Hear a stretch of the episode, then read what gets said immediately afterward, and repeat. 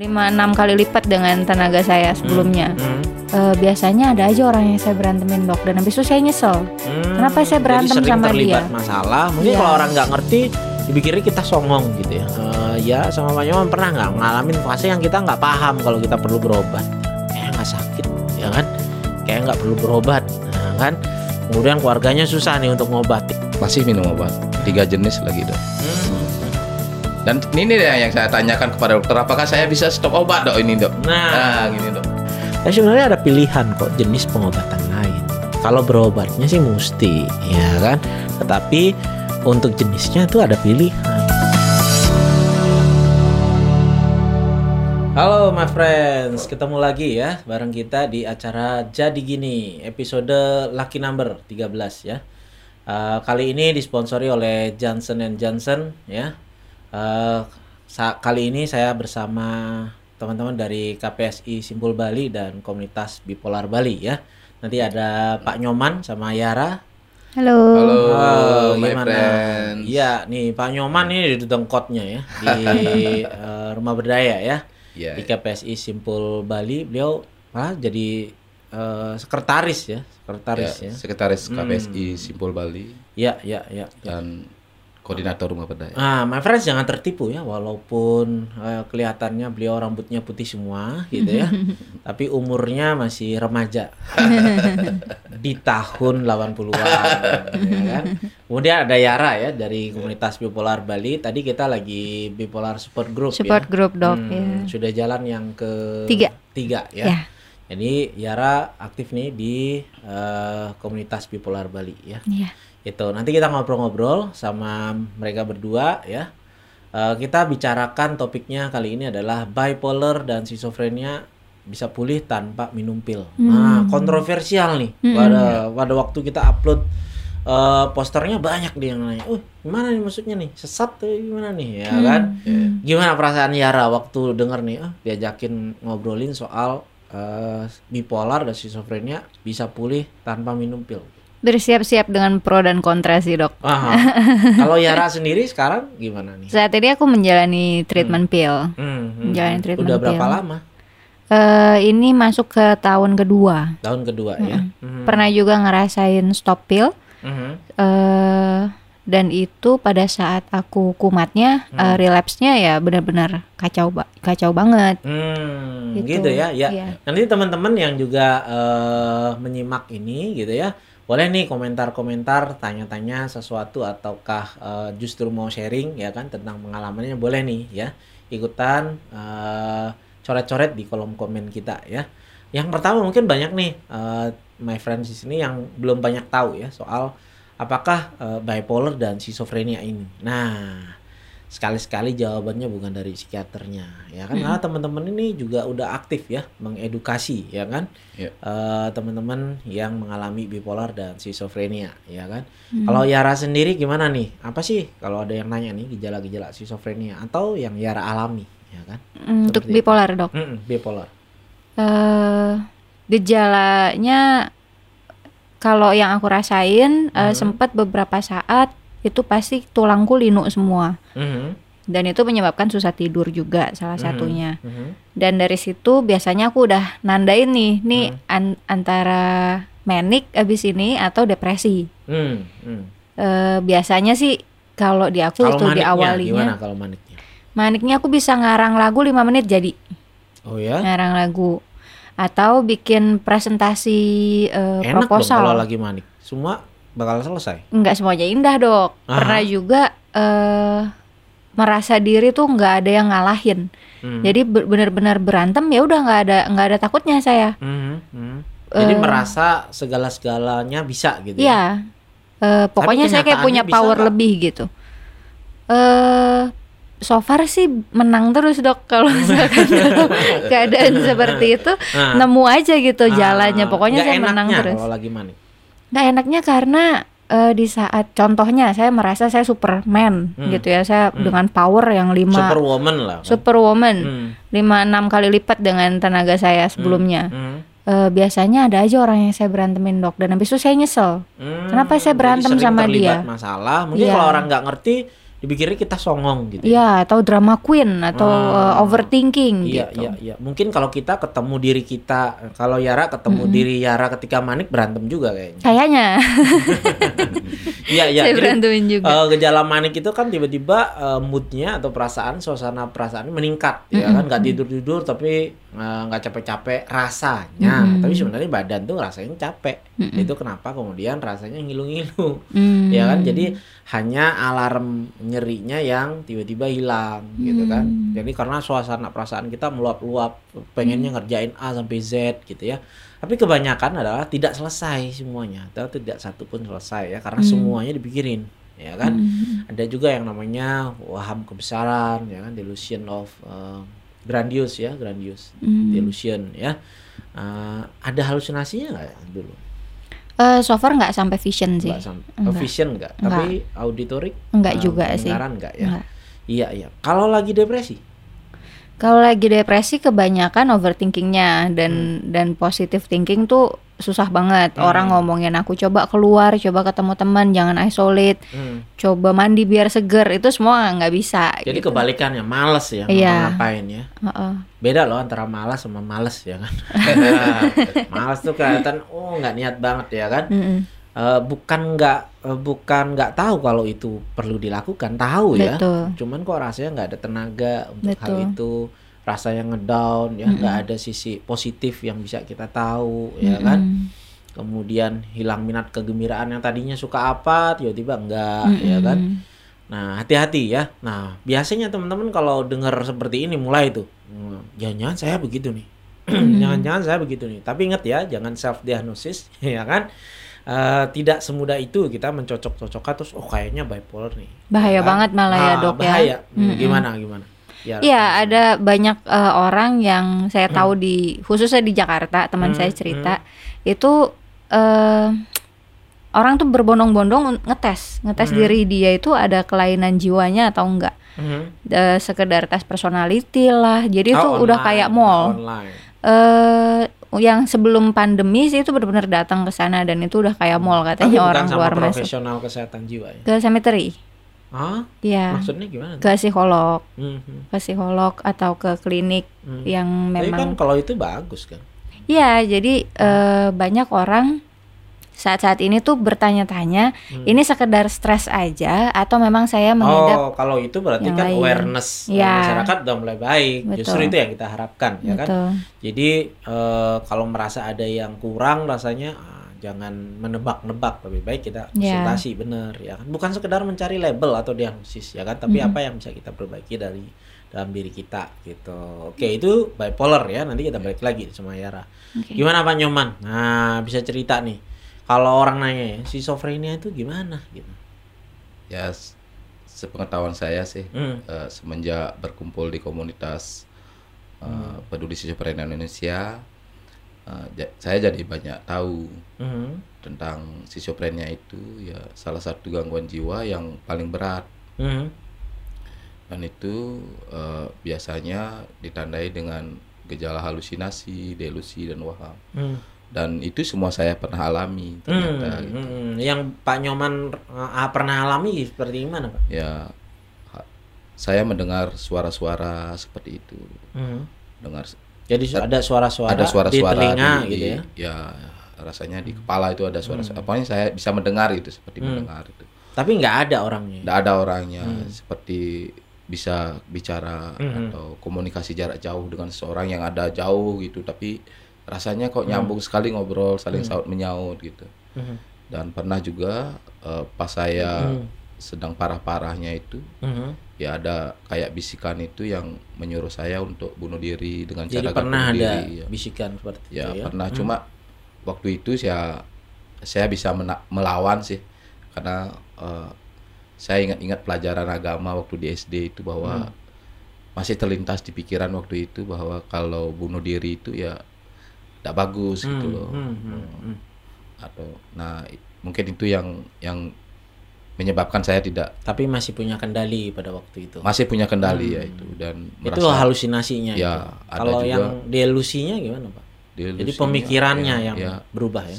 saya merasa waktu itu bahwa ada yang mengawas-ngawasi saya seperti itu Hmm. Hmm. mengawasi-ngawasi mengo- mengontrol menjadikan saya orang penting Hmm. Hmm. Uh, di di kehidupan ini Hmm. dan sampai pada tahap bahwa saya itu merasa jadi titisan Tuhan itu Hmm. penyelamat dunia itu itu yang paling parah saya sampai telanjang itu Hmm. Hmm. berasa seperti Acintio itu telanjang Hmm, gitu. Jadi di Bali itu ya kan eh, Ya. soal pemahaman eh, Tuhan itu ya ada namanya asintio tidak terpikirkan. Lambangnya memang yang lagi telanjang ya, ya. ya, gitu. Tapi Bapak melakukan itu Ya. harfiah gitu ya. ya, ya, ya, ya, Hmm. seperti itu Iya iya iya. Tapi orang-orang gimana nggak tersinggung pada waktu itu? ya Syukurnya enggak ya. syukurnya enggak Hmm. saya ya di Bali kan lebih agak agak gini dok Agak toleran. agak toleran Hmm. sedikit. mungkin ya masyarakat tahu juga bahwa saya mempunyai eh, masalah dengan Hmm. kesehatan Hmm. jiwa saya Hmm. gitu Hmm. Ya kalau takutnya kalau orang nggak ngerti kan disangka ini apa namanya eh, pelecehan agama Ya, ya. gitu kan dan sebagainya. Padahal karena kita nggak punya kendali ya. pada takutnya ya syukurnya saya enggak mengalami seperti itu dok waktu Hmm, itu hmm, hmm. karena cepat saya ditangani dibawa ke rumah sakit jiwa Hmm. seperti itu Hmm.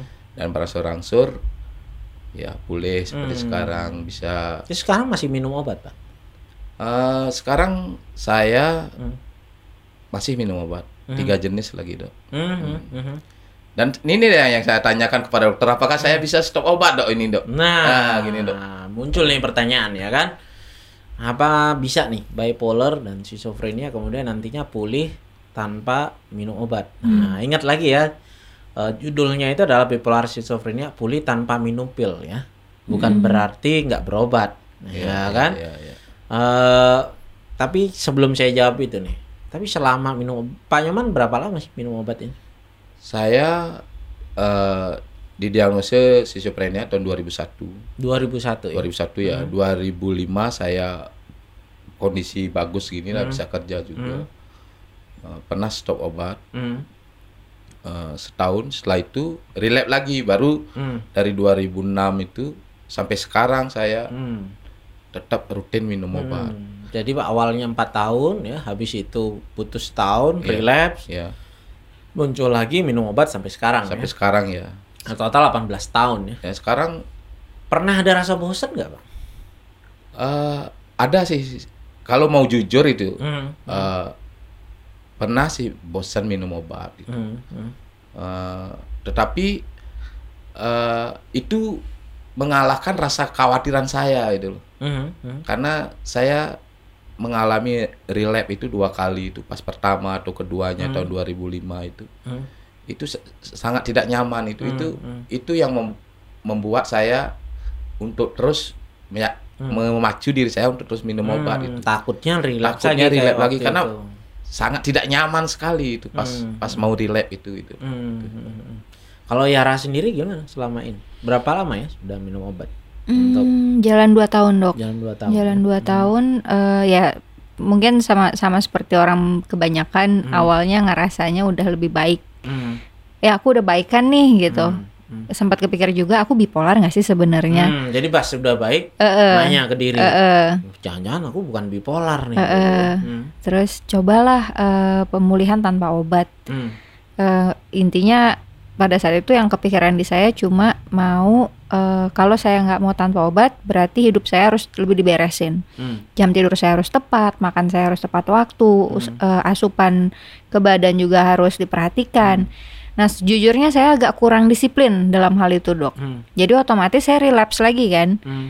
Saya relapse dan ya akhirnya saya mikir sekarang saya minum obat ataupun nggak minum obat, kemungkinan relapse akan datang. Hmm. Tapi dengan adanya saya minum obat, meng- mengecilkan, resiko. mengurangi resiko eh, saya relapse. Kenapa enggak? Hmm, Tapi gitu kan banyak ya yang kemudian mempermalukan biasanya kan. Eh, Hmm. hati-hati nih ya kan banyak yang shaming nakut-nakutin gitu ya, padahal ya. mereka nggak paham ya kan Hmm. apa sih obat yang kita minum, apa sih resikonya kalau berhenti dan sebagainya. Pernah nggak ngalami begitu?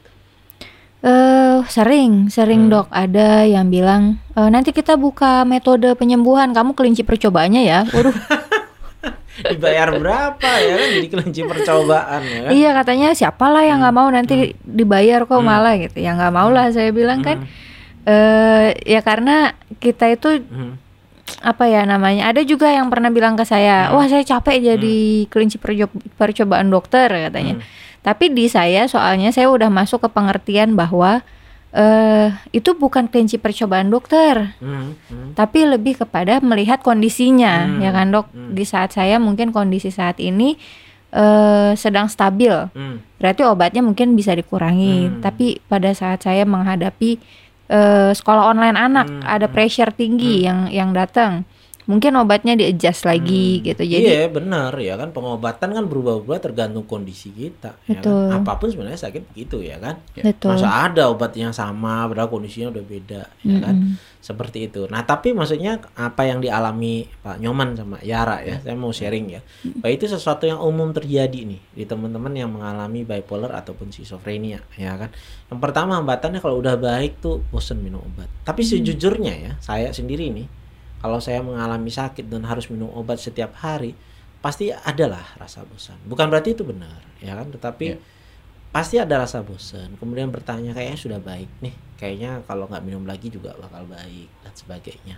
Padahal sebenarnya kita paham ya bahwa ini adalah suatu uh, gangguan ya yang kemudian membutuhkan pengobatan yang berkelanjutan ya kan? Betul. jadi kalau relapse malah kemungkinan untuk pulih kembalinya itu lebih kecil ya. Eh lebih ya. lebih kecil kan? Lebih sulit. Nah kita berjuang untuk nggak relapse relapse lagi ya kan? Tapi gini eh sebenarnya kita punya pilihan. Banyak ah, orang yang mengalami bipolar schizophrenia itu nggak ada merasa ada pilihan. Bahwa saya harus tetap minum obat saja ya kan? Ada yang tiga macam ada yang dua macam dan sebagainya tapi sebenarnya ada pilihan kok jenis pengobatan lain. Kalau berobatnya sih mesti ya kan? Tetapi untuk jenisnya itu ada pilihan Hmm. ya kan? Dari ada yang minumnya tablet ada yang tetes ya ditetes iya, iya. dicampurkan di air ada juga. Nah ini yang eh, menurut saya cukup baik kalau teman-teman nggak disiplin minum obat. Hmm. ya kan? Yang yang terakhir ini ada eh, berupa suntikan. Tapi bisa jadi tuh sampai empat minggu sekali atau satu bulan sekali. Mm-mm. ya kan? Bahkan beberapa pengalaman bisa lebih ya kan? Hmm. Eh, gini kadangkala pun kita rutin minum obat nih. Nah, coba Pak Nyoman nanti bagi ya. Ya. kadang-kadang jamnya tuh lewat atau skip sekali ya, Ya, ya, kan? Ya. atau nggak ke bawah repot lah. Kadang-kadang ditanya kan sama keluarga uh, atau temen ini obat apa sih? Kok kamu minum obat? Males ya kalau dikomentarin begitu. Nah ini bisa dibayangkan ada sebuah injeksi atau suntikan kayak suntik KB ya kan, jadinya Hmm. suntik doang ya kan? Kemudian ya udah setelah itu nggak perlu minum obat gitu. Gitu sih. Eh, jadi kadarnya juga nah, kelebihannya ya itu kadarnya di dalam darah kita stabil ya Hmm. kalau minum obat kan sebenarnya waktu minum dua jam kemudian meningkat dari yang seharusnya kemudian sekian jam menurun ya kan? Nanti minum lagi meningkat seperti itu. Tapi kalau sudah stabil dengan injeksi jangka panjang itu kadarnya dalam darah tuh menetap. Gitu. Jadi ya sehari dua hari ya kan? Eh, telat masih nggak apa-apa. Gitu sih. Itu ada kriterianya nggak dok Hmm. untuk orang yang eh, boleh menjalani pengobatan suntik misalkan?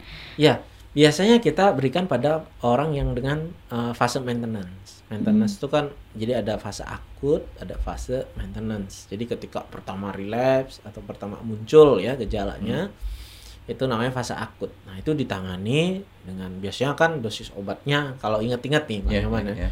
dosis obatnya cukup tinggi Iya, kan. Ya kan? Biasanya berjalan sampai beberapa bulan.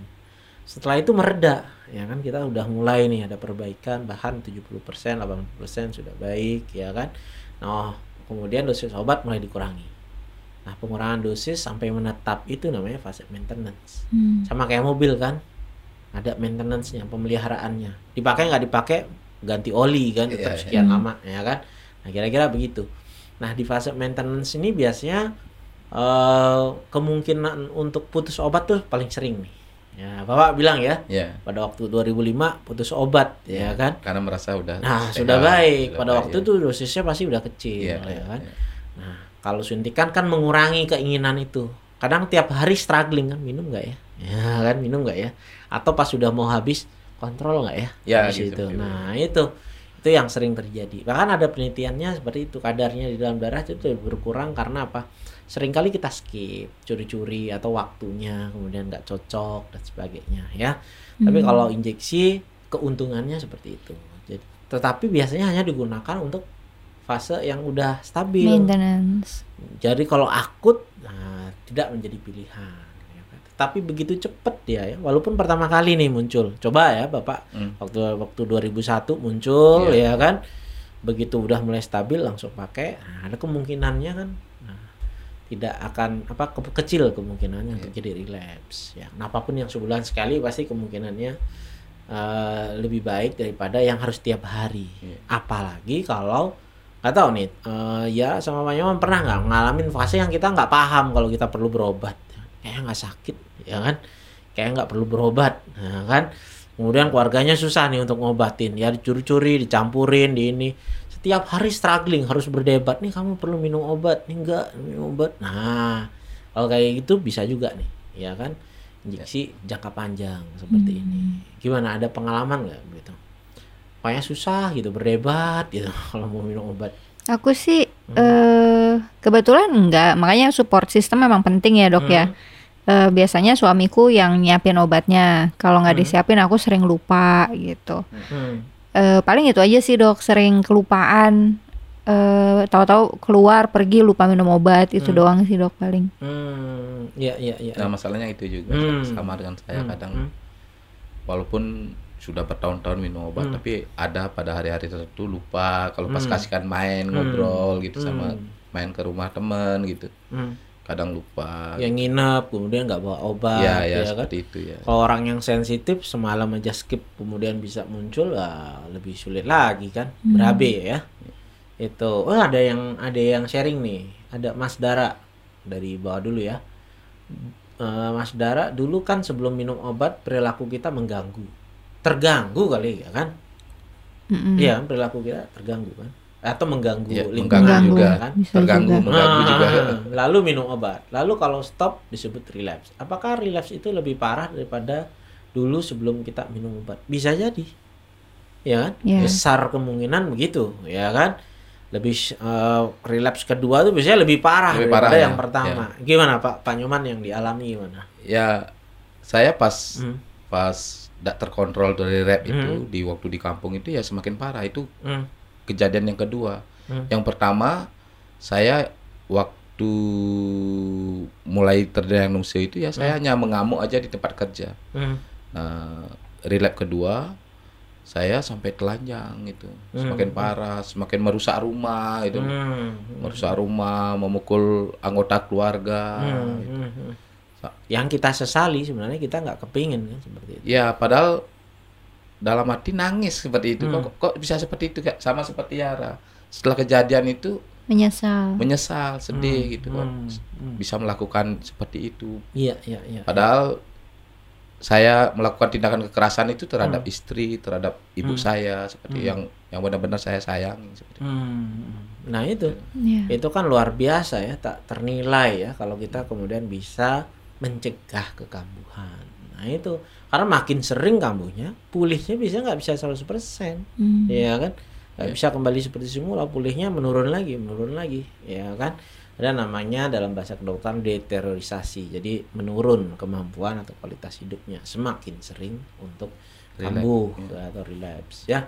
Jadi penting sekali. Nah, itu salah satu gunanya juga dari uh, pemberian suntikan yang jangka panjang ini. Jadi mencegah kekambuhan itu bukan sekedar memulihkan keluhan sebelumnya, tetapi mencegah kekambuhannya gitu.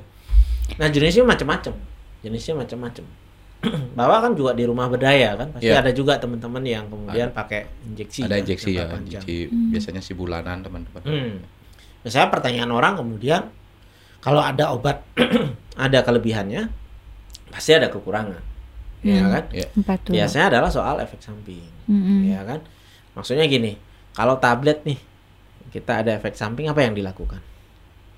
Bisa stop. Nah, tinggal di stop kan. Kalau Ya. alergi misalnya. Kalau Ya, ya. suntik udah kadung masuk kan? Nggak bisa ditarik lagi. Nah, makanya nah, tapi ada cara mengantisipasinya. Biasanya dokter akan berikan obat yang isinya sama dengan suntikan itu.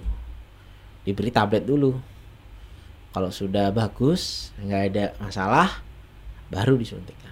Jadi Hmm. ada ada dicoba dulu dengan Oh, tablet. Jadi nggak langsung. Itulah makanya di, dikatakan maintenance itu ya. Iya, stabil. Tapi sebelum diinjeksi itu dia harus pernah juga minum obat yang isinya sama dengan suntikan itu. Sebenarnya isinya sama kok. Hmm. Ya. Tapi gini, nggak semua obat tablet itu ada dalam bentuk injeksi. Nggak semua. Makanya, nah pasti bapak habis kita ngobrol ini masih habis itu nanya kan, dok kalau gitu saya eh, pindah aja nih pakai Ya, ya, injeksi, ya, ya, kan? ya. Nah ada tahapnya, jadi nggak semua, ya tapi bisa dipersiapkan. Ya. Kemudian injeksi jangka panjang ini juga jenisnya banyak.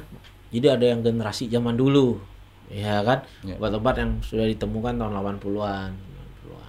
Efek sampingnya memang cukup banyak. Jadi kayak kaku, gemeter, ya. Hmm. Kemudian bisa dari ujung atas kepala sampai bawah tuh ada, ya kan? Mata melihat ke atas, ya kan? Kemudian eh, apa namanya? lidah kayak menjulur, ludah air ludahnya banyak akan keluar atau yang dinamakan eh, gejala ekstrapiramidal, ya kan? Sebenarnya tidak menyebabkan hal yang fatal. Ya, Tapi kan mengerikan juga ya siapa Ya. mau minum seperti itu, ya kan? Apalagi kalau dalam bentuk eh, suntikan, ya.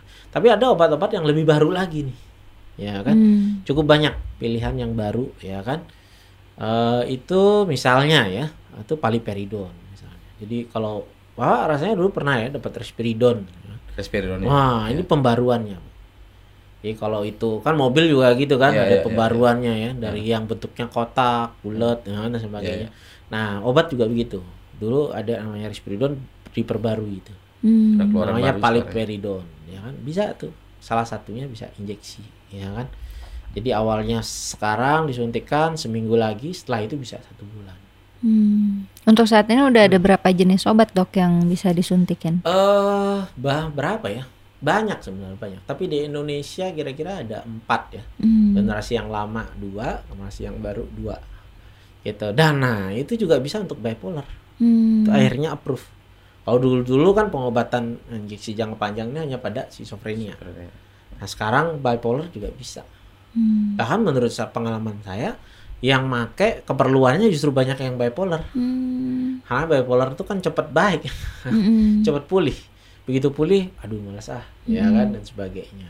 Ya, itu. Jadi bisa hal itu. Kan meningkatkan kualitas hidup juga. Ada beberapa klien saya misalnya tuh beralih ke injeksi, gitu ya, semata-mata karena mau nikah. Hmm.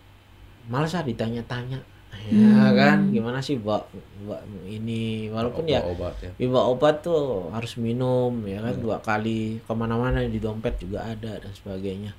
Kadang-kadang ditanya, ya bisa sih jawab, cuman kalau setiap kali kita minum obat ditanya sama orang-orang sekitar kan males dong. Hmm. Ya kalau suntikan lebih enak gitu. Jadi eh, apa namanya eh, cukup banyak ya eh, orang keperluannya ya, menggunakan itu. Tapi ingat nggak ini nggak bisa kita sendiri ya kan sering gitu habis nonton ini nanti my friends di rumah wah saya mau beralih aja lah beli di apotek suntik ya kan minta Hmm. perawat Iya, atau iya. dokter nggak bisa ya memang harus dipersiapkan gitu ya kan dari yang tiga macam berubah dulu ya kan karena termasuk misalnya bipolar kan ada nih selain itu ada mood stabilizer. Nah mood stabilizer belum ada nih dalam bentuk Hmm. suntikan.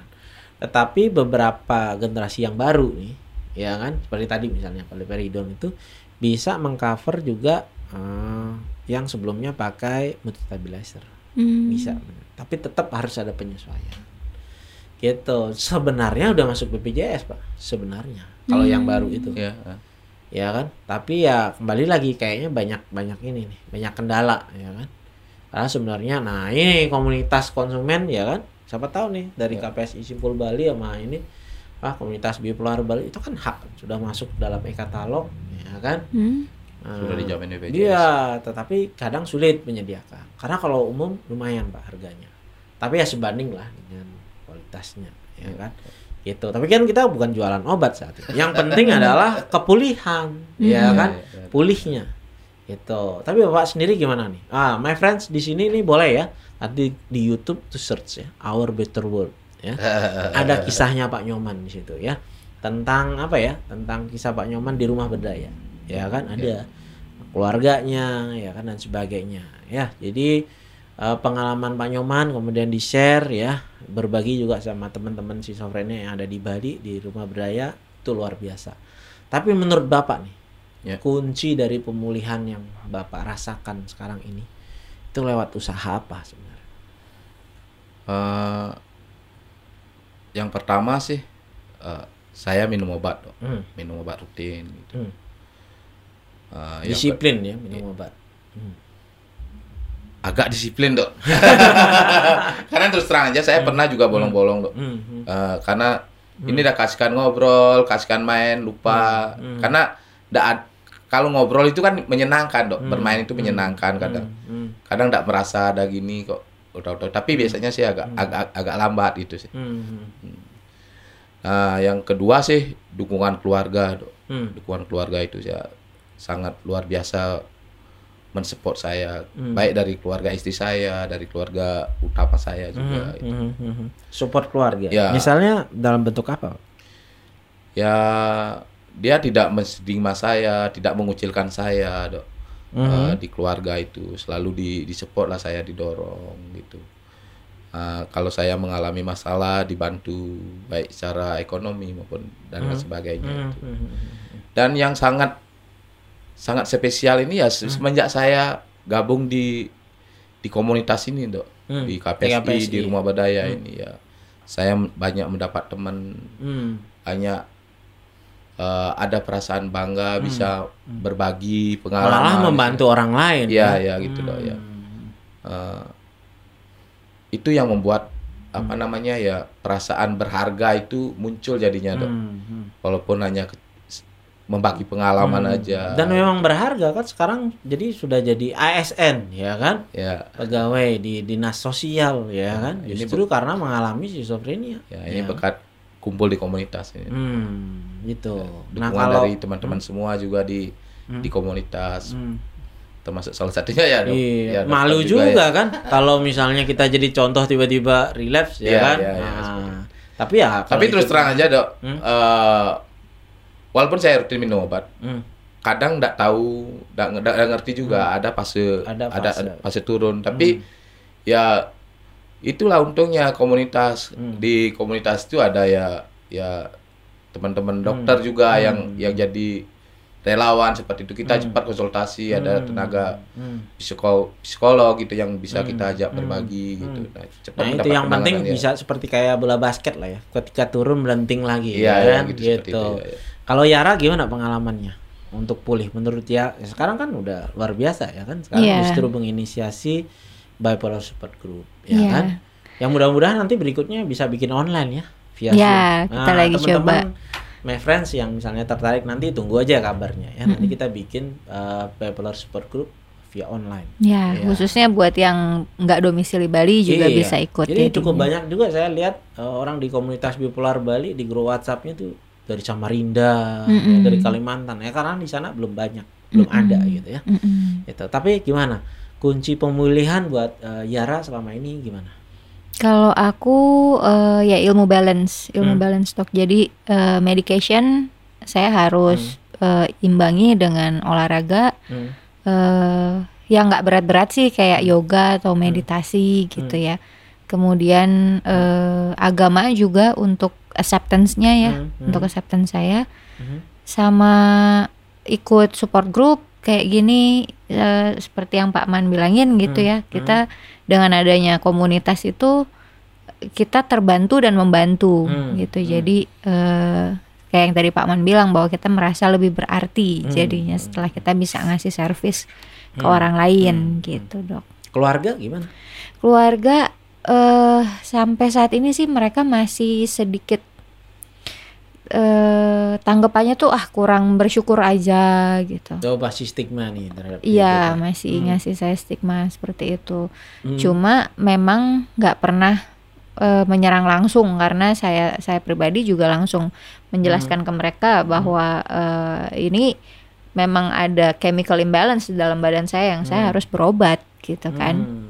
Bukan hanya semata-mata hubungan Hmm. agamanya yang diperbaiki Hmm. atau hanya obatnya yang Ya, diperbaiki. memperbaiki agama kan nggak nggak belum tentu harus tunggu sakit Iya. ya. sehat juga boleh ya kan gitu kita baca-baca dulu juga ya Oke. Apa yang di atas tadi ada tuh ah, 2009 minum obat oh ya gesakso ini olah nih ya ini juga Ola juga sering nih edukasi ya kan di YouTube-nya. Nanti teman my friends boleh nih ya kan main-main ke YouTube-nya Ola. eh aku pun masih minum obat sejak tahun 2009 untuk gangguan cemas panik dan juga depresi. Ada kalanya saya cuti minum obat. Wah, ada cuti nih. Namun jika ada gejala muncul, saya konsultasi lagi dan minum obat sebelum kekum- kekambuhan lebih parah. Nah, jadi nggak aja bipolar atau schizophrenia.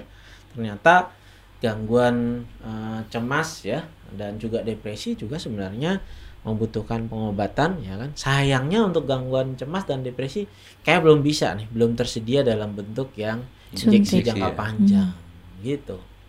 Jadi eh, apa namanya perjuangannya lebih sulit nih kayaknya ya kan. Hmm. Coba kalau itu ada enak juga ya kan. Tapi nggak apa-apa nih kita membicarakan semua kegangguan karena eh, beberapa saat lagi sekarang tanggal 3 ya. Tu- Tujuh hari lagi seminggu lagi kita menyambut Hari Kesehatan, Kesehatan Jiwa, Jiwa Sedunia sedunia. ya kan. Teman-teman my friends yang lagi join di sini juga nanti bisa tunggu ya. Saya dan kawan-kawan dari komunitas teman baik ya kan termasuk acara ini itu adalah support oleh komunitas teman baik. Kami juga akan membuat acara nanti di mulai tanggal 10 sampai 20 itu kami mengundang 10 komunitas ya kan. Tanggal 10 bulan 10 mengundang 10 komunitas ya kan. 10 Serba cerita ya kan Ya. dari komunitas teman-teman yang terpinggirkan termasuk dalam hal akses kesehatan eh, jiwa. Karena tema Hari Kesehatan Jiwa eh, tahun ini adalah mental health for everyone everywhere. Nah, oke lah everywhere-nya teman-teman yang lain udah sering nih yang membuat acara Ya. bagaimana menjangkau kesehatan jiwa di seluruh tempat. Tapi kita for everyone. Ya teman-teman yang disabilitas, teman-teman yang survivor cancer misalnya, ya kan? Ada dari Oda Iya, juga. dari Oda, kemudian dari uh, korban nafsa, ya kan, dari tunanetra, uh, Dari komunitas tuli, ya kan, LBG, LGBT. LGBT. Nah, semuanya itu berhak mendapatkan uh, uh, hak atas kesehatan jiwa, ya. Kemudian ada dari Umarasis. Halo dok, apakah anak usia dini bisa terdeteksi bipolar? Dan jika orang dewasa merasa ada gejala bipolar, bagaimana sebaiknya datang ke psikolog atau ke psikiater? Wah ini pertanyaan menarik nih ya kan. Ini banyak pertanyaan yang umumnya seperti ini ya kan. Bisa nggak pada anak-anak? Ada, ada di istilahnya bipolar pada anak-anak ya kan. Bisa terjadi hal itu. Jadi memang sulit untuk eh, dideteksi, tetapi bisa dengan pengamatan yang cukup baik ya kan. Kalau ada anak mood swing ya kan rewel ya kan? Dan sebagainya. Hati-hati. Salah satu kemungkinannya bipolar. Tapi jangan buru-buru menarik kesimpulan. Jadi perlu dengan pemeriksaan. Nah itu menjawab yang kedua. Jika orang dewasa jadi mau dewasa atau eh, kenapa nih? Halo salah fokus warna bajunya sama semua. Iya, tadi Oh saya juga iya udah ya? sempat bilang. ya. iya nggak ini nggak janjian kok ya nggak Gracia ya nah untuk jawab masih ya yang di atas bahwa gimana nih sebaiknya ke psikolog atau ke psikiater. Nah profesional kesehatan jiwa itu ma- macam-macam ya. Ada psikiater psikolog klinis dan eh, apa namanya perawat jiwa. Nah, jadi ke mana pun sebenarnya nggak ada masalah ya kan? Yang penting diperiksakan ya. Ya. jadi psikolog klinis. Jadi itu juga bisa. Tapi bedanya nanti di psikiater eh, itu mempunyai kewenangan juga dalam memberikan pengobatan. Kalau ke psikolog klinis tidak ya. Jadi lebih banyak psikoterapi. Jadi kalau psikiater bisa psikoterapi dan pengobatan. Nah kalau arahnya tendensinya curiganya bipolar kan bipolar eh, memang eh, harus berobat ya kan? Ya, memang eh, lebih baik juga ke psikiater. Tapi ke psikolog dan perawat jiwa tidak salah. Ya pasti teman-teman nanti kalau yang mengalami bipolar pasti juga akan diarahkan ya kan? Untuk mendapatkan pengobatan. Jadi ke mana aja boleh. Yang penting periksa jangan jadi excuse. Biasanya kan begitu kan? Eh, saya lo bipolar. Padahal cuma nyocok-nyocokin di online. Ya. ya kan? Ketika ada orang nyuruh apa saya kan bipolar? Kok kamu marah-marah sama saya? Gitu. Tapi nggak berobat nggak menanganinya. Ya kan? Itu cuma jadi excuse ya tentu nggak akan banyak perubahan ya kan? Nah ada juga dari Ibnu Syah dok apakah minum fluoxetine harus di tapering off bisa sampai berbulan-bulan untuk depresi berat nah gimana nih gimana banyak kan orang begini kan mengkonsultasikan eh, pengobatannya eh, via online nggak salah ya kan namanya bingung tapi yang lebih penting bu ibu atau bapak nih Ibnu. kelihatannya bapak ya adik lah ya Ya. Jadi gini Kak Ibnu. Hmm. Eh, jadi gini. Sebaiknya mengkonsultasikan itu ke eh, terapis ya yang merawatnya. Apakah memerlukan tapering off? Iya. Obat obat antidepresan juga memerlukan waktu untuk menurunkannya. Jadi bukan istilahnya bukan menurunkan, tapi menyesuaikan dengan kebutuhan obatnya. Hmm. Jadi kalau Bapak selain jadi obat itu apa terapi itu pun bukan hanya pengobatan, tetapi ada psikoterapi, ya kan ada perbaikan dalam lingkungan, dalam komunikasi keluarga. Nah, ketika yang lain itu berjalan dengan baik, kebutuhan akan obatnya menurun. Ya kan? Menurun bertahap. Jadi kalau langsung begitu, nah, ibaratnya pesawat dari atas ketinggian 1000 terus jadi 500, kira-kira apa yang terjadi? Penumpangnya Sakit, eh, ya, kupingnya. shock, takut, kupingnya sakit, mabuk lah paling enggak ya kan? Nah, itu apa namanya di sel-sel saraf kita juga seperti itu. Yang tadinya dapat tiba-tiba enggak. Jadi perlu waktu. Apakah sampai berapa lama itu tergantung kondisinya. Jadi lebih baik kita uh, berkonsultasi tentang hal itu, ya kan? Di terapis kita, ya. Uh, itu ada baiknya ya. Jangan ngatur-ngatur obat sendiri. Ya. Iya. Rugi juga loh, Bapak udah bayar loh dokternya untuk berpikir eh, sebenarnya Bapak mikir-mikir sendiri ya kan. Banyak yang gitu ya kan. Apa nih? Ili pencitraan. Waduh. Izin tanya. Eh, ciri awal bipolar apa ya? Saya takut self diagnosis mengalami beberapa gejala. Sudah sempat konsul juga ke psikiater tapi jatuhnya di diagnosis depresi. Wah. Dulu ketika awal mengalami bipolar, diagnosisnya langsung bipolar. Enggak. Saya enggak didiagnose apa-apa dulu pas Hmm. pertama. Hmm, hmm, Jadi ya saya, saya awalnya mikirnya saya depresi. hmm. Eh, akibat dari perilaku orang-orang di sekitar saya Hmm. memperlakukan saya sampai saya depresi. Hmm. Tapi ternyata eh, datang kedua saya ceritakan eh, gejala-gejala saya seperti apa, Hmm. langsung didiagnose bipolar. Hmm. Sempat down juga bahwa ternyata oh saya yang menyebabkan drama itu. Hmm. Justru orang-orang sekitar saya yang kasihan. Hmm, Iya. Jadi itu eh, dinamikanya ya. Jadi jangan bingung, bukan juga diagnosis salah ya kan. Kadang-kadang yang muncul bipolar ini kan eh, dua episode ya, ada manik atau hipomanik. Jadi ada yang berlebihan, energinya banyak, pemikirannya banyak, ya kan. Ada keinginan yang meluap-luap, ya kan. Sampai bisa juga irritable. Jadi apa namanya tuh gelisah, ya kan. Sampai mengamuk juga ada. Ada juga loh bipolar juga mengalami halusinasi. Ya kan. Ah, Tetapi halusinasinya tergantung mood. Kalau moodnya lagi gembira, halusinasinya yang mengembirakan tuh. Eh kamu hebat nih. kamu ini." Nanti kalau dia sedih, depresi, nanti eh, halusinasinya yang sesuai sama moodnya. Ah kamu nggak berguna, apain ah mati aja, dan Hmm. sebagainya. Tapi kalau schizophrenia kan nggak berubah-ubah biasanya Ya. tetap sama. Jadi gini, banyak juga ah, ada penelitian yang mengatakan beberapa persen ya dari orang yang mengalami bipolar itu awalnya didiagnosa sebagai ah, diagnosa lain entah itu depresi, entah itu gangguan cemas, ataupun misalnya gang- gangguan karena penyalahgunaan alkohol misalnya dan sebagainya ya. Tetapi setelah dalam perjalanan diamati mengalami bipolar. Tapi bisa juga enggak kan, ya kan? Bisa saja ya memang yang apa yang dialami memang gangguan depresi, ya kan? Jangan kecewa juga, ya kan? Banyak juga yang begini.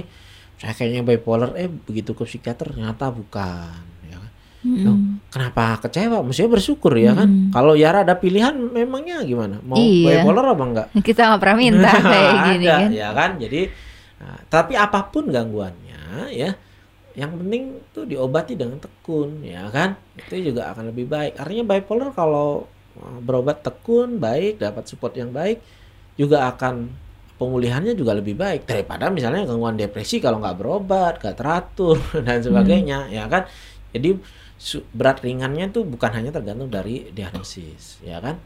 Nida Husna, saya adalah pendamping penderita schizophrenia yang sudah bertahun-tahun mengkonsumsi obat. Memang sudah tidak menunjukkan emosi yang meluap-meluap, tetapi sekarang aktivitasnya hanya tidur saja dan tidak melakukan apa-apa. Apa-apa. Ah, Titik-titik.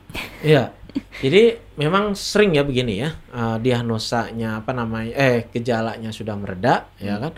Tapi kemudian fungsinya nggak membaik nih. Kalau dulu Pak Nyoman gimana? Sempet merasa begitu. Ya seperti ada malas-malas gitu. Hmm, hmm, Uh, banyak tidur seperti hmm, itu. hmm, Dan saya pikir itu adalah hmm, da- efek nega, efek samping dari obat. Nah, Hmm. Apakah itu efek samping dari obat? Bisa jadi, bisa jadi. Atau memang gejala bagian dari gejala schizofrenianya. Ada namanya gejala negatif. nggak Ya. kepengen ngapa-ngapain, ya kan? Iya. Diam di rumah, bengong, ya kan? Makan nggak mau, tidur apa namanya mandi nggak mau, ya kan?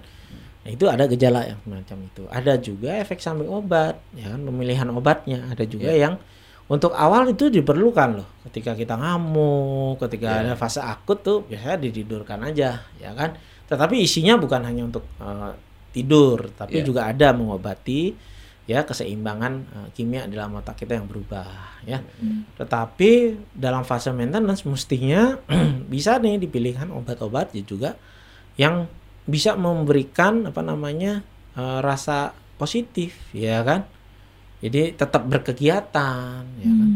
Generasi-generasi baru obat itu menghilangkan halusinasi, menghilangkan delusinya, tetapi tidak memaksa untuk tidur. Hmm. Tuh, itu yang baik. Termasuk kalaupun misalnya memilih tadi eh, injeksi yang jangka panjang dari bulanan, ada yang seperti itu. Jadi nilainya itu ada fungsi sosial. Bisa nggak mandiri, bisa nggak mandi tanpa disuruh, ya kan? Kemudian bisa nggak menyiapkan makan sendiri, mencuci baju sendiri, ya kan? Apalagi membantu, ya kan di rumah. Hmm. Tapi kita mesti ingat, schizophrenia itu terapinya bukan hanya obat. Seperti yang di rumah berdaya Ya, tuh ya, Pak, ya. yang dilakukan rehabilitasi psikososial. Ada ada kegiatan Hmm. sosialisasi Hmm. seperti itu ya, berekspresi, Hmm. belajar berkomunikasi, Hmm. saling saling apa namanya Hmm. itu lempar tangkap. Oh, komunikasi itu loh maksudnya ya, Hmm. timbal balik itu. Nah, ada terapi kerja, Ya, ada terapi kerja juga, ya kan? gitu. Jadi penting hal semacam itu. Kita juga ingin kan ada semacam rumah berdaya di setiap tempat gitu. Iya. Jadi nggak hanya berobat saja. Kadang kalau orang tua yang suruh, waduh sulit, Sulit ya. ya, ya, Tapi kalau teman-teman sendiri jalan, ya, biasanya apalagi akan ikut. melihat teman kerja kan Hmm. otomatis juga ada Hmm, ikut kerja seperti itu. Ya, ya. Nih ada juga nih dari Yuniati Kadek. Nanya dok, siso dengan obat tablet jika sewaktu-waktu kambuh kita konsumsi obat tambahan. Bagaimana dengan injeksi? Apakah ada injeksi emergensi tambahan saat kambuh? Ada. Jadi ada yang injeksi berkala, ada juga yang injeksi sekali, ya kan? Bahwa dulu kalau waktu ke rumah sakit jiwa kayaknya pernah juga ya. Karena ada injeksi Nah, sekali. di injeksi yang sekali, jadi temporer. Jadi jenisnya macam-macam. Nah benar, kalau yang tablet misalnya ada kurang, ya kan bisa ditambah. Ditambah ya lagi kan? dosisnya itu. Iya, kalau nggak salah bapak pernah ya sampai dua, habisnya Iya. ah, muncul jadi tiga lagi, Iya, atau iya. dosisnya ditambah. Kalau yang suntikan pun tambahannya juga nggak harus injeksi, tambahannya juga bisa berupa tablet untuk sementara, Hmm. ya kan? Iya, iya. atau suntikannya dimajukan. Nah, kan teorinya misalnya empat minggu sekali, tapi ternyata sebelum empat minggu itu udah muncul, bisa dimajukan injeksinya, bisa jadi tiga minggu, minggu. dua minggu, Iya. gitu. Hmm. Itu ya Bu Yuniati ya. Apa siapa lagi nih? Oh, Angga. Waduh, Dokter Rai, Pak Nyoman dan Yara. Agak telat bergabung nggak apa-apa. Kalau telat bergabung nggak apa-apa ya. Asal nggak telat haid. Angga. Saya maafkan dok. gitu. Oke. Aku mau nanya nih Hmm, dok. Gimana gimana? Eh, tadi kan sempat ngebahas tentang eh, bi- bipolar dan Hmm. skizo sama-sama punya halusinasi di Hmm. dalamnya. Bisa Nah. jadi ada. Apa yang membedakan halusinya orang bipolar dan halusinya orang skizofreni, dok? Iya, ya. Jadi secara umum gini, halusina ya ini bipolar ini kan eh, gangguan utamanya adalah gejalanya adalah suasana perasaan, mood. Mm-mm. Kalau schizophrenia tuh gangguan si pikirnya, ya kan? Delusi, halusinasi itu di situ. Tetapi bisa jadi berpotongan. Ya. Hmm. Tapi ya karena ini apa namanya eh, core-nya atau intinya adalah gangguan perasaan, jadi kayak tadi, kalaupun ada halusinasi, halusinasinya itu istilahnya sesuai dengan suasana perasaannya. Hmm. Nah, kayak tadi, ketika dia lagi manik, halusinasinya mungkin mengatakan, "Wah, kamu hebat nih. Ayo kita kerjain ini dan sebagainya." Nanti begitu dia fase depresi, halusinasinya berubah menjadi yang mengolok-olok, "Ah, kamu ngapain kerja gitu? Nanti juga nggak akan ini. Mending tidur aja. Udahlah kamu." atau menyuruh mati dan sebagainya. Kalau schizophrenia biasanya halusinasinya cenderung sama ya kan Ya. dari awal sampai akhir Hmm. itu dan cukup menetap. Nah, kalau bipolar hanya saat saat berat baru ada halusinasi. Hmm. Kalau nanti mereda dengan sendirinya, halusinasinya juga akan reda. Gitu sih. Oke. Ya. Tapi pentingnya adalah Nah, untuk memeriksakan itu. Jadi perlu memang orang yang belajar beberapa tahun ya kan untuk melihat dan menegakkan hal itu gitu. Ya, ada juga sebenarnya afektif Hmm. Gabungan nih. Ada bipolarnya, ada schizofrenianya, Hmm. ada afektif Tetapi halusinasinya nggak seperti itu, nggak sesuai dia, nggak Hmm. kongruen namanya. Ya kan? Kalau afektif nggak cocok dia sama suasana moodnya gitu ya. Hmm. tapi apa pun itu sebenarnya itu label ya, lagi-lagi itu nah, semuanya punya pemulihannya sendiri jerninya sendiri sebenarnya Hmm. gitu ya oke oh ya kita juga ada intermezzo dikit lah ya kan Ya. ah kelihatannya teman-teman udah banyak yang tanya dan sebagainya kita juga punya acara besok ya kan Mm-mm. Jadi kami di komunitas teman baik itu bukan cuman pada waktu hari kesehatan jiwa sedunia mengedukasi. Kita setiap hari ya Ada acaranya. setiap bulan ya kan? Nah minggu besok nih kami ada acara ya ada zoom eh, menjarakan em, kesehatan mental. Namanya kopi kental. Mentalnya. kongko rumpiin kesehatan mental. Kalau kemarin- kalau kemarin ada tentang empty chair ya kan? Itu membicarakan psikoterapi. Tadi Ya. kan kita ngomong selain pengobatan juga perlu nih psikoterapi Iya, iya. iya. Nah sekarang uh, beda nih, cukup beda. Kita lihat ya teasernya ya, siapa tahu teman-teman ada yang berminat, gratis kok. Tinggal apa namanya repost ya, tinggal repost uh, posternya, nah, kemudian screen capture, kirim ke nomor kontak WhatsApp yang ada. Oke dok, sekarang Hmm. lagi rame tentang Mbak Najwa Shihab ngomong sama kursi kosong alias empty chair ya, Hmm. seperti yang kita udah lakukan beberapa minggu Tapi lalu. itu so old banget ya. Kita udah lima seri ngomongin itu, Iya. tapi untuk keperluan terapi gitu. Iya. Kita mestinya ngomongin yang lain dong. Apa ya tuh kan? dok sekarang? Nah, misalnya nih cukup banyak nih masa pandemi ini orang hitting rock bottom lah, saat-saat terpuruk banget Terpuruk nih kan. banget, menderita Nah, banget. kalau untuk hal itu tuh pendekatan psikoterapi yang paling bagus tuh sebenarnya prinsip kayak logoterapi. logoterapi ya ya, dok kita ya, cuman dari ngomongnya Victor. jangan logoterapi lah. Meaning means more. Meaning means more. Buat Oke. orang yang di masa-masa paling terpuruk tuh. Mhm, Macem-macem kan itu betul betul sangat menderita ya Hmm. seperti sekarang ya mengalami bencana kan. Hmm, kehilangan orang Finansial. terdekat, Mhm. ekonomi terpuruk, ya kan? asmara Asmara. Nah, itu tuh bisa loh, bisa pulih banget tuh. iya mau tahu caranya hari Minggu ya kita Iya, akan itu di ngomong di Zoom, Zoom hari Minggu meeting berteman baik Nah, itu dia ya. Jadi teman-teman yang berminat ya,